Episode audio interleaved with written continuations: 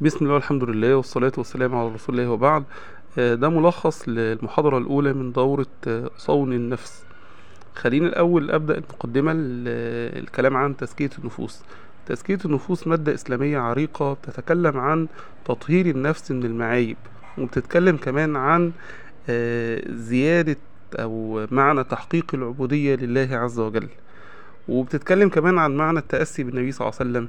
والتخلق بالأخلاق الإسلامية والقدرة على آه، تحقيق معنى العبادة أثر العبادة على النفس.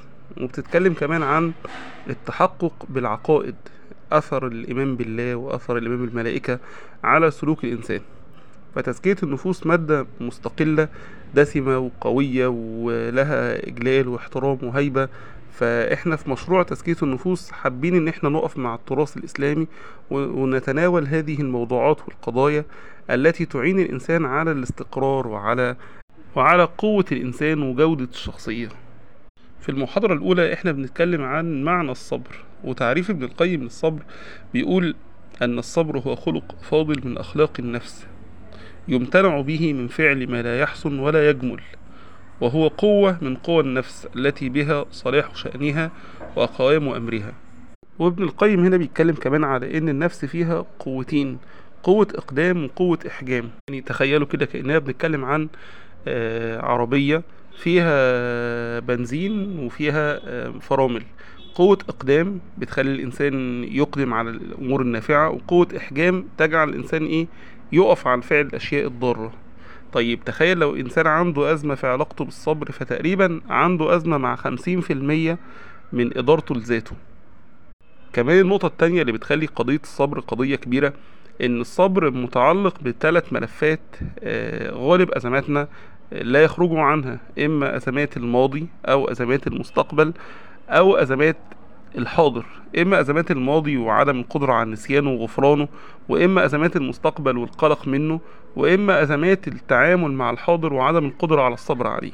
طيب العنصر التاني اللي بنتكلم عنه في محاضرة النهاردة هو ليه الناس فقدت صبرها؟ ليه لما بنرجع للأجيال اللي قبلنا الآباء والأجداد كنا نتخيل كأنهم أكثر صبرا منا؟ يعني أكثر صبر على قلة العيش آه، مثلا آه، آه، مستوى الرفاهية كان أقل. ليه الصبر قل في في في الأجيال بتاعتنا؟ أنا بتخيل إن خلف ده أفكار انتشرت في المجتمع ساعدت الناس إنها ما تصبرش وإنها تلجأ للخيار التاني. زي إيه كده مثلا؟ لو قلت مثلا ملف الصبر على الأرحام والصبر على العائلة زمان كانت الناس أكثر صبرا على ده. طب النهاردة؟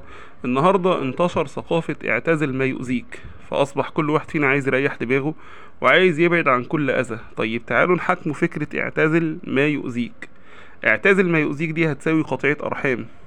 ولو الإنسان طبقها هيترك عمله وهيترك الصلاة في المسجد وهيترك الدعوة لدين الله. وإلا فالنبي صلى الله عليه وسلم في الحديث قال إنك إن تخالط الناس وتصبر على أذاهم خير لك. فصبر فمخالطة الناس لا تخلو من أذى. فأول فكرة خلت الناس ما تصبرش على بعضها فكرة اعتزل ما يؤذيك. طبعا مع كم الأغاني وكم الأفلام المنتشر عن إيذاء الأرحام.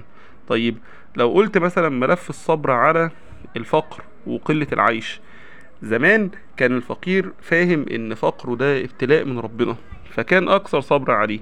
أما في الأزمنة اللي إحنا بنعيش فيها فأصبحنا نرى كتب ودورات ومحاضرات بتتكلم عن إن فقر الإنسان ده نتيجة لفقر أفكاره وإن فقر الإنسان ده حاجة هو تعاب يعاب عليه. فأصبح فكر فكر تصبح غنيا كيف يفكر الفقراء وكيف يفكر الأغنياء. طبعا أنا لا أذم الكتب دي بس أنا عايز أقول فكرة إن الناس أصبحت النهاردة بتحاسب نفسها على أشياء كانوا زمان بيعتبروها من قبيل القدر.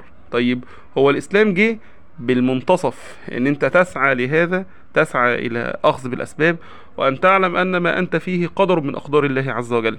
فجه بال... ب... ب... بإن أنا أسعى وإن أنا أصبر.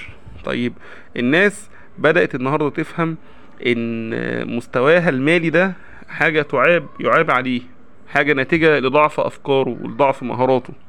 كذلك مما برضك أفقد الناس الصبر على أعمالها مثلا مشقة الأعمال إن الناس أصبحت النهاردة مثلا بتشاهد أجور المغنيين وأجور لاعبي الكرة وبدأت تشاهد مستويات مالية عالية جدا فده أفقدها الصبر على مشقة العمل مع العائد اللي بيرجع لها. كمان فقدنا الصبر على ذواتنا لأن إحنا بدأنا نفهم الإنجاز بمعنى مختلف. يعني ماذا سيخ- سيخسر العالم بموتك؟ ماذا قدمت للمسلمين؟ اترك اثرا قبل رحيلك. كل دي صيحات بدأ يطلقها الدعاة هي في حقيقتها آه، يعني مش متسقة مئة في المئة مع الإسلام.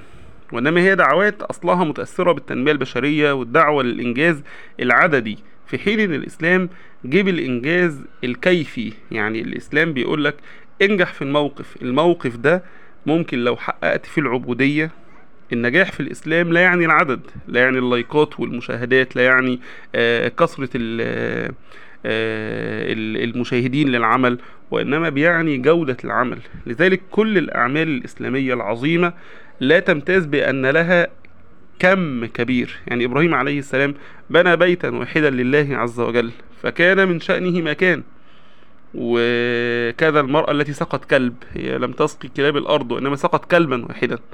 الرجل الذي نحى غصن شوك. كل هذه الأعمال إنما رضي عنها المولى جل وعلا لأن فيها معاني العبودية انكسار القلب ومراقبة الرب جل وعلا. مش عشان العمل ده عدده كبير كمه ضخم. فالثقافة ال- ال- الكمية في زماننا خلت الناس أقل صبرا على أنفسهم. طيب إيه كمان؟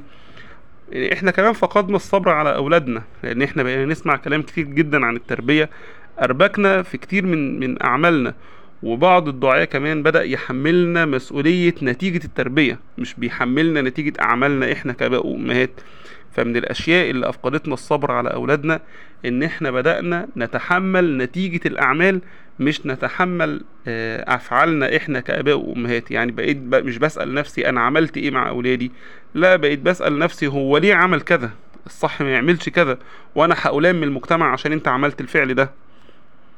كم الأفكار اللي غزت المجتمع في السنوات الأخيرة وخلت الناس عندها قدرة أقل على الصبر محتاجة مننا وقفة سواء الأفكار اللي خلتنا ما بنصبرش على صلة الأرحام وإلا فإزاء الأرحام ده من زمان جدا؟ في الحديث النبي صلى الله عليه وسلم أن الرجل أتى إليه وقال إن لي أرحاما أصلهم ويقطعونني أحسن إليهم ويسيئون إلي أحلم عليهم ويجهلون علي. ومع ذلك النبي صلى الله عليه وسلم يعني أوصى أن يكمل. قال إن كان كما قلت فإنما تصفهم المل ولا يزال معك من الله ظهيرا ما دمت على هذا. وقال صلى الله عليه وسلم ليس الواصل بالمكافئ وإنما الواصل الذي يصل من قطعه. كأن الإسلام كان بيزرع فينا معنى آه، الإحسان للناس مهما كان أدائهم. ودخول آه، المولى جل وعلا في العلاقة بيجعل العلاقة مش ثنائية. يعني مش أنا والطرف اللي قدامي بس. لا ده في في آه، طرف أجل وأعظم المولى جل وعلا. لهذا قال النبي صلى الله عليه وسلم خير الصدقة الصدقة على ذي الرحم الكاشح الكاره. طيب إيه اللي هيخلي الإنسان يتصدق على ذي رحم كاره إلا إن هو بيراقب المولى جل وعلا فيه وبيتقي المولى جل وعلا فيه. فكم الأفكار اللي خلتنا مش عارفين نصبر على أرحامنا مش عارفين نصبر على نفسنا عشان عايزين إنجاز عددي مش عارفين نصبر على أولادنا عشان إحنا بنحمل نفسنا مسؤولية أعمالهم مش عارفين نصبر على أعمالنا عشان بنقارن بال بالشاليهات والفلل والمنتجع- والمنتجعات اللي بنشوفها على التلفزيونات أو مش عارفين نصبر كمان على آه، عيوبنا وأخطائنا لأن إحنا آه، لهجة التغيير التغيير التغيير خلت المجتمع يتخيل إن كل عيوب النفس يمكن التخلص منها وده وهم كبير جدا. ليست كل عيوب النفس يمكن التخلص منها. ليست كل عيوب النفس يمكن التخلص منها. فلهذا كان من دعاء ال- من دعاء من الادعياء اللي وردت في السنة آه، أن تدعو المولى جل وعلا أن يستر عيبك. اللهم استر عيبنا. فيعني استر عيبنا ده معناه إن هناك عيوب لا يمكن أن يتخلص الانسان منها بطبيعة بشريته بشريته. طيب أنا كده اتكلمت عن عنصرين. العنصر الأول معنى الصبر والعنصر الثاني لماذا فقدنا قدرتنا على الصبر؟ العنصر الثالث اللي هتكلم عنه وهو يعني تقسيم لابن القيم كده لما قسم الصبر لصبر على الطاعة وصبر عن المعصية وصبر على القدر. وقال إن من الناس من يكون صبره على الطاعة أشد ومنهم من يكون صبره على المعصية أشد. ده هيوقفنا المعنى خطير جدا. إيه الفرق ما بين الصبر في الإسلام والفرق ما بين مهارات إدارة الضغوط عند علماء النفس الغربيين؟ الصبر في الإسلام علماء الإسلام هدفهم أن يخ... أن يخرج الإنسان الطائع العابد لله. بحكم إيماننا كمسلمين أن الدنيا أو أن الحياة تنقسم إلى نصفين نصف في الدنيا ونصف في الآخرة. وأن نصف الآخرة ده هو خير وأبقى. فلهذا عين علماء المسلمين على الأبقى للإنسان على الأصلح لك كيف تكون طائعا. فلذلك هو لما بيكلمك على الصبر هو عينه دايما على الطاعة والمعصية. عايزك تبقى طائع في آخر المشهد. نجاحك في مشهد التعامل مع الضغوط إنك تكون طائع لله. طيب علماء الغرب علماء الغرب لما بيكلمونا عن الصبر هو عايزك تبقى مرتاح. يعني إيه مرتاح؟ يعني مش مضغوط قادر تتعامل مع مشاعرك قادر تتعامل مع أفكارك.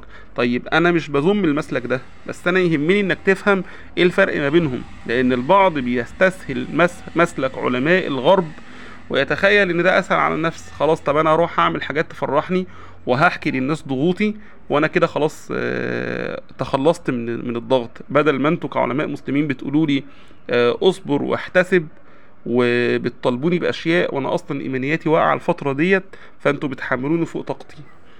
فأنا بحتاج أقول لك إن خلي بالك الفرق ما بين إدارة الضغوط إن إدارة الضغوط هدفها الراحة فقط. أما قيمة الصبر في الإسلام فهدفها الطاعة لله عز وجل. والمعنى ده يخليني كمان أتعرض لبعض المبالغات اللي بتحدث من بعض الدعاة وهو بيتكلم عن الصبر. ممكن تسمع داعية بيتكلم عن الصبر. فمثلا آه، يوصل لك معنى إن كل ابتلاء حصل لك وإنما هو سببه ذنب ومعصية. طيب قد يكون الابتلاء سببه رفع الدرجات وإلا فأنبياء الله عز وجل قد أصابهم الابتلاءات. فممكن مع مفهوم الصبر اللي بي اللي يروج له بعض الدعاة يوصل لك معاني سلبية عن الصبر. زي بعض الناس مثلا بيقول لي إن الصبر إن أنا ما اعملش حاجة أسكت خالص. طيب أنت كده كأنك بتكلمني عن معنى العجز مش عن معنى الصبر. معنى الصبر هو أنا فعلا بحجم بسكت بمنع نفسي من من من فعل ما لا ينبغي إلا إن في ورا ده قيمة كبيرة جدا. في في عبوديات بتحصل بتحدث بالقلب. اللي عايز أوصل له إن الصبر مش معنى سلبي إن أنت ما تعملش حاجة. لا هيجي معانا الكلام عن مستويات الصبر اللي تكلم عنها ابن القيم. هتفهم قد إيه الصبر ده قيمة عظيمة وقد إيه هو مفهوم عملي يعني لا يساوي العجز ابدا. طيب المعنى اللي بعد كده اللي هتكلم عنه وهو فضائل الصبر. فضائل الصبر يعني المتأمل في كتاب الله عز وجل يجد أولا آه، أن الصبر يسأل المولى جل وعلا به. قالوا ربنا أفرغ علينا صبرا. تخيل أنا بسأل ربنا الأمور العظيمة. بسأل ربنا الفردوس الأعلى. بسأل ربنا العافية. بسأل ربنا النجاة. طيب وبسأل ربنا الصبر. ربنا أفرغ علينا صبرا.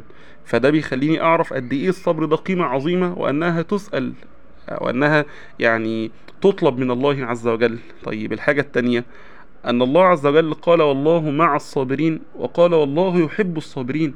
شوف معية المولى جل وعلا. أن, أن يكون المولى جل وعلا أن تكون وليا من أوليائه فيكون الله عز وجل معك.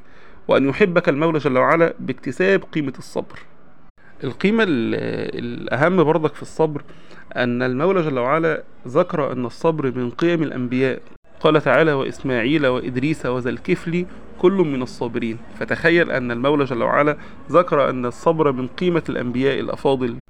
آخر معنى هتكلم عنه النهاردة وهو الكلام عن كيف نحقق الصبر. أنا هذكر عدة وسائل من كتاب قوة الصبر.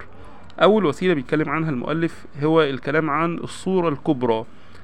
دايما المشاهد بيكون فيها صورتين صورة صغيرة وصورة كبيرة. لو أنت ركزت في الصورة الصغيرة مش هتعرف تصبر. لو ركزت في الصورة الكبيرة هتعرف تصبر. تعال نضرب على ده مثال. مثلا آه واحد صاحبي ما سألش عني لما كنت تعبان. دي الصورة الصغيرة. الصورة الكبيرة إن هو ليه معايا مواقف قبل كده وسأل عليا وجي زارني ودعمني قبل كده ماليا وسأل عليا. يبقى بحتاج إن أنا عشان أعرف أصبر مركزش في الصورة الصغيرة في الموقف الحاصل النهاردة. مثلا مشكلة بيني وبين زوجتي. طيب ده المشهد النهاردة لكن في تاريخ طويل من عشرة بيننا وبين بعض. فإن أنا أعرف أو أحاول دايما أبص على الصورة الكبيرة ومخنقش نفسي بالنظر للصورة الصغيرة. الوسيلة التانية محاولة قراءة المشهد من خلال العاطفة مش من خلال العقل. كتير لما أولادنا بيعملوا أخطاء بيقعد ولي الأمر يسأل طب ليه؟ طب هو بيعاندني طب هو مش عايز ي... مش عايز يفرحني؟ طيب لو أنت هتحاول دايما تقرأ المشاهد بطريقة عقلانية ده هيدخلك في دوامات كتيرة لأن إحنا. يعني قيم ومهارات.